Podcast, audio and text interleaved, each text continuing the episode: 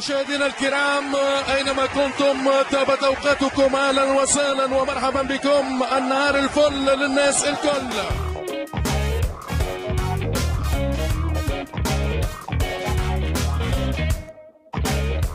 مستمعيني الكرام حبايبي أهلا بيكم معايا تاني في ملعوبة بودكاست والحلقة ال11 ولسه كلامنا عن البطولة الغريبة المجنونة لماما افريكا 33 يا ترى إيه التوقعات لدور الثمانيه وإيه اللي ممكن يجرى؟ تعالوا نسمع مع بعض. لكن قبل ما أبدأ أحب أبارك وأهني تونس والمغرب ومصر وكل العرب. مبروك مبروك مبروك مبروك.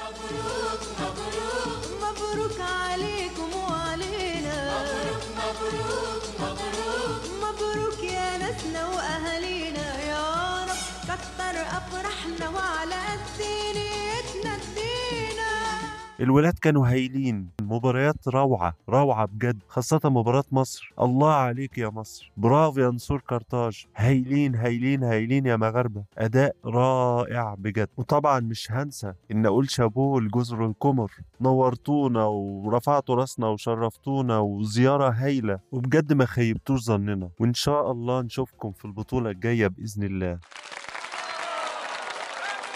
بالمرة كمان أهني نفسي على توقعاتي اللي كان معظمها صح. مش كده ولا إيه؟ أظن كفاية كده بقى تهاني ونخش على طول على ماتشات دور التمانية. يلا بينا.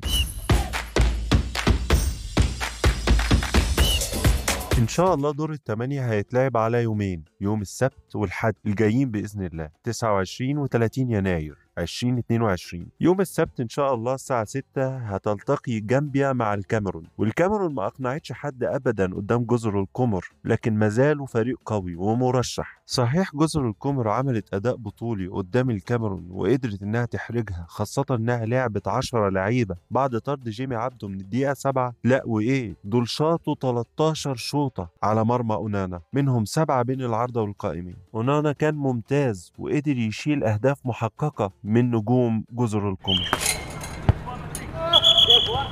لكن كل ده ما ينسيناش ابدا إن الكاميرون كانت داخلة المباراة دي وعارفة إنها هتكسب وما كانش عندها الدوافع زي دوافع جزر القمر إنها تأدي مباراة كبيرة. خاصة إن الأسود الكاميرونية كانت عارفة إنها هتقابل جزر القمر وهم من غير حارس مرمى أصيل. وعشان كده شفنا الهدهور المدافع كان هو حارس المرمى في المباراة دي. بالرغم من كده أدى أداء بطولي وقدر إن هو يشيل أهداف محققة من نجوم الكاميرون. اللي عايز أقوله إن نجوم الكاميرون ما كانش عندهم أي إحساس بالضغط أو إنهم مش هيكسبوا. وعندهم إحساس كده بالاطمئنان من ناحية المباراة دي وبالتأكيد هنشوف كاميرون تانية خالص في دور الثمانيه شكرا لجزر القمر اللي خلتنا نشوف الكاميرون إن هي فريق فعلا مش مرعب. وشكرا يوسف ميتشنجاما على الهدف الرائع الضربة الثابتة العالمية اللي أنت حطيتها في أونانا كانت تاريخية فعلا وكانت بجد من أفضل أهداف البطولة. وعلى فكرة مش أنا بس اللي بشكرهم ده كمان منتخب جامبيا بيشكرهم كتير جدا لأنهم ساعدوهم يقروا أكتر منتخب الكاميرون. جامبيا زي ما اتكلمنا عنه قبل كده وإنه أول مرة يشارك في البطولة بيلعب بطريقة دفاعية بحتة وبيقدر إن هو يعمل هجمات مرتدة وكل خطورته بتيجي دايما من عند موسى بارو النجم بتاعهم. يا ترى الكاميرون جاهزة لمفاجآت جامبيا؟ وهل توني كونسيساو شايف الناحية الشمال بتاعته المفتوحة وناوي يصلح أخطاء تمركز المدافعين اللي عنده؟ هنشوف.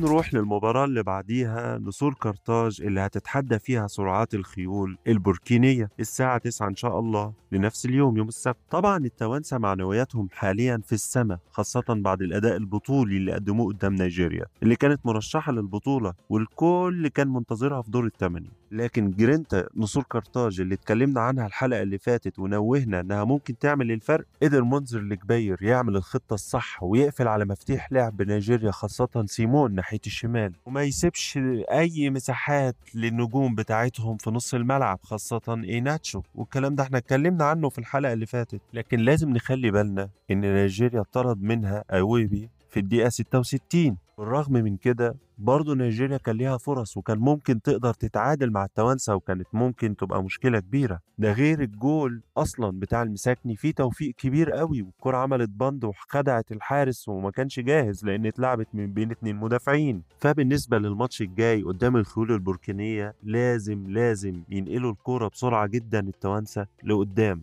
ولازم يكملوا على نفس الأداء يقفلوا المساحات قدام الخيول البركينية السريعة اللي زي سنجاري وتراوري وحذاري حذاري من الثقة الزايدة. كسبنا نيجيريا آه البطولة طويلة لسه طويلة. وبوركينا فاسو لسه منتخب خطير.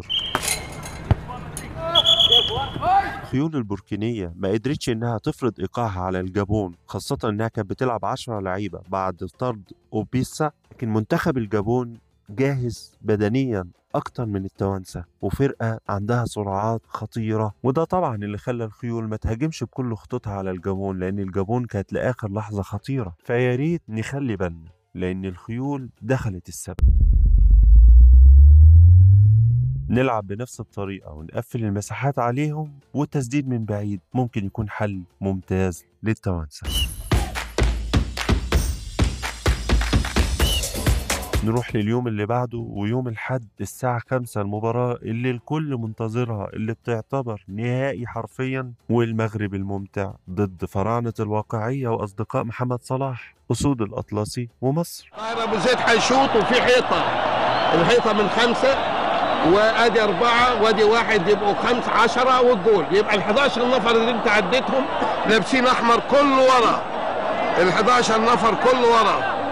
طاهر أبو زيد. शॉट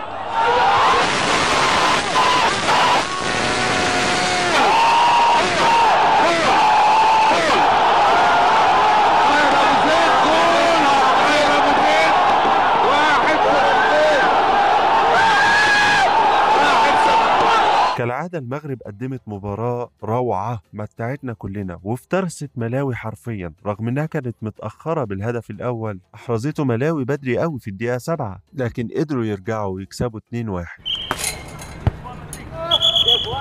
عندهم تنوع باصات وكروسات ومن ناحية بوفال قول من ناحية حكيمي قول منتخب أسود الأطلسي قدر إنه يشوط 24 شوطة على الجون منهم 10 بين العارضة والقائمين. لكن هي دي عادة أسود الأطلسي إنهم دايما بيلجأوا للهجوم وللكرة الحلوة. لكن دفاعيا في مساحات سواء ورا حكيمي من ناحية اليمين أو من ناحية مسينا في الشمال. الاتنين بيتقدموا كتير جدا ووحيد هاليلوفيتش طريقة لعبه دايما دايما بيعتمد عليهم وساعات بيلعب 3 5 2 مخصوص عشان مسينا ياخد راحته سواء هو أو حكيمي. والمساحات اللي بتتساب وراهم دي ممكن جدا جدا محمد صلاح أو مرموش يستغلوها بشكل كويس. لكن أرجع وأقول إن أكيد وحيد خليلوفيتش قاعد ومتابع اللي أنا بقوله ده وشايفه أكتر مننا كمان وبيذاكر لمصر. أظن الوقت الحالي كيروش بقى كتاب مفتوح لناس كتيرة جدا وفاهمة هو عايز يلعب إزاي وإيه هي نقاط الضعف اللي موجودة في منتخب مصر وإيه هي نقاط القوة. وأكيد كارلوس كروش من الوقت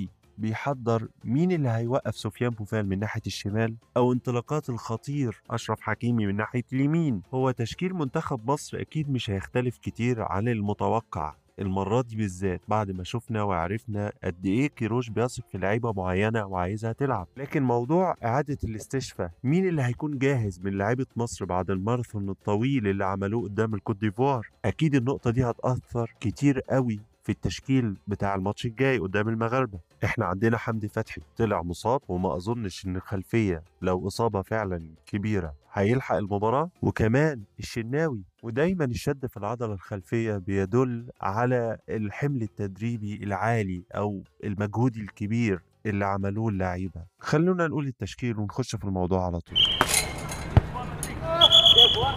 لو محمد الشناوي جاهز أكيد هو اللي هيكون في حراسة المرمى من اليمين للشمال عمر كمال محمد عبد المنعم جنبه أحمد حجازي وأخيرا أحمد فتوح. نروح على نص الملعب بقى ونقول عمرو السولية محمد النني وأتوقع تواجد تريزيجيه أساسي خاصة بعد إصابة حمدي فتحي. وقدام هيكون العالمي محمد صلاح ناحية اليمين زي العادة وجنبه مصطفى محمد وأخيرا عمر مرموش ناحية الشمال. النني خد رجل المباراة بعد ما أدى أداء تكتيكي في منتهى منتهى القوة أمام الكوت ديفوار طبعا. ومحتاجينه يقدم نفس الدور ده تاني قدام سفيان بوفال. وتريزيجيه لازم يكمل مع حكيمي وما يسيبوش ياخد راحته. وتسلم إيدك بجد يا أبو جبل. صحيح المباراة دي على الورق 50 50 لو قدرنا نقول الكلام ده على الورق لكن الحقيقة إن منتخب المغرب مرتاح أكتر لاعب آخر مباراة مع منتخب ضعيف ريح لعيبته بعكس المنتخب المصري اللي لعب ماراثون طويل قوي مع الكوت ديفوار ومتعب وشاق فعلا. وملاحظة برضو بعد مباراة الكوت ديفوار. هو ليه مصطفى محمد وتريزيجيه مش مركزين في الجول كده؟ كورتين زي اللي أنتوا ضيعتوهم دول ممكن يضيعوا البطولة كلها. لازم نركز أكتر من كده على الجول. وإيه يا عمرو مالك؟ مش مركز ليه؟ دي مش شوطة أبدا من جوه المنطقة وأنت لوحدك. جزئيات بسيطة زي دي يا جماعة ممكن تخرج المنتخب من البطولة نهائيا. خاصة إن إحنا عارفين إن اللي يضيع يقبل. بتمنى التوفيق للفرقتين لكن طبعا بتمنى فوز منتخب مصر. معلش بقى يا مغاربة أنتوا حبايبي لكن أنا في النهاية مصري. والأكيد إن المباراة دي هتكون ممتعة. وللفائز إن شاء الله هنقول له مبروك ويا رب يحمل كأس البطولة. نروح بقى للمباراة اللي بعدها السنغال وغينيا الاستوائية. السنغال البطولة دي مش هي السنغال اللي الناس كانت متوقعاها أبدا. لو جيتوا للحق هي أدائها في المباراة دي بالذات كان أفضل من الثلاث ماتشات اللي فاتوا لكن لسه مش واخدة دور البطولة اللي كل الناس كانت حطاها فيه. مباراتهم قدام الرأس الأخضر كانت غريبة جدا. تخيلوا ما عرفوش يحطوا أهداف في الكاب فيردي إلا في الدقيقة 63 بعد طرد حارس المرمى فوزينها. في الدقيقة 57 لا مش كده وبس. ده كان الطرد التاني. يعني هم كانوا بيلعبوا أصلا 10 لعيبة بعد طرد أندريد في الدقيقة 21 وتخيلوا معايا ما قدروش يجيبوا هدف تاني قدام فريق منقوص من اتنين لعيبة إلا في الدقيقة 92 في حين بقى لو رحنا الجنب التاني وشفنا غينيا الاستوائية عملت إيه قدام مالي هتلاقيها قفلت عليهم نص الملعب وضايقتهم جدا وحولت المباراة لمباراة مملة جدا. فرضت إيقاع على مالي وكانت هي الأخطر في معظم الأوقات. صحيح محمد كمارا ضيع فرصتين لكن في معظم أجواء المباراة غينيا الاستوائية فرضت إيقاعها وكانت هي ممكن فعلا تحرز هدف وتكسب كمان من غير ضربات جزاء. وإحنا في الحلقة اللي فاتت كنا اتكلمنا إن مالي ما بتجيبش أهداف كتيرة من كرات متحركة وإن الثلاث أهداف اللي جابوهم لإبراهيم كونيه كانوا من ثلاث ضربات جزاء. فبعد المباريات اللي حصلت دي إحنا قدامنا غينيا الاستوائية هي نفس طريقة لعبها. بتقفل وبتعتمد على الهجمة المرتدة والتسديد من بعيد وهتحاول تلعب بنفس الأداء قدام السنغال. عندهم روح عالية بيقدموا تاريخ بالنسبة لبلدهم وأعتقد هم جاهزين للسنغال. السنغال المفروض إنها في دور الأربعة لحد دلوقتي لكن لازم لازم تلعب بجد. وتسرع الريتم شوية. بلاش البطء ده. ويخلوا بالهم إن غينيا الاستوائية بتقف كويس ورا وهتكون أصعب من الرأس الأخضر اللي كانوا منقوصين من اتنين لعيبة من لعيبتهم يلا يا ساديو ماني ورينا حاجة بقى. إحنا كلنا بنحبك. إلا بقى لو أنتوا ناويين تسيبوا فرصة لغينيا الاستوائية تعمل مفاجأة جديدة من مفاجآت ال 33 بشكل عام اللي ممكن نتعلمه من بطولة كأس الأمم الأفريقية في الكاميرون 2021 إن أفريقيا فعلا بتتغير وإن فعلا من الظلم إن أفريقيا تاخد خمس مقاعد بس في كأس العالم.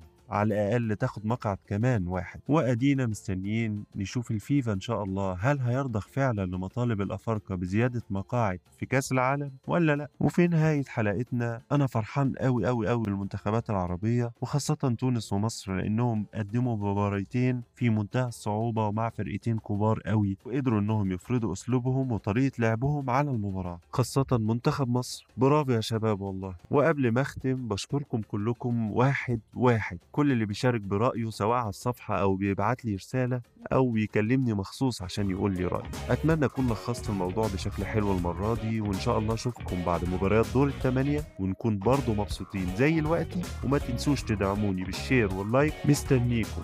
محمد القاضي في ملعوبة بودكاست. سلام.